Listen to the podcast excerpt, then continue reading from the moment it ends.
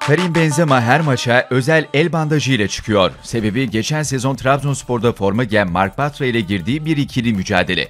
13 Ocak 2019'da oynanan Real Madrid-Real Betis La Liga maçında Batra ile ikili mücadeleye giren Benzema sağ elinin üzerine düştü ve serçe parmağı kırıldı. Kırığın tedavisi için ameliyat, akabinde 2 aylık bir iyileşme süreci gerekiyordu.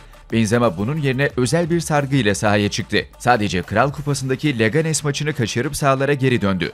Sonraki 4 maçta 6 gol attı, sargı ona şans getirdi. O sezonun yaz arasında ameliyatta olan Benzema parmağını tekrar incitince sakatlık nüksetti. Benzema sahalardan bir daha uzak kalamam diyerek yeni bir operasyonu reddetti.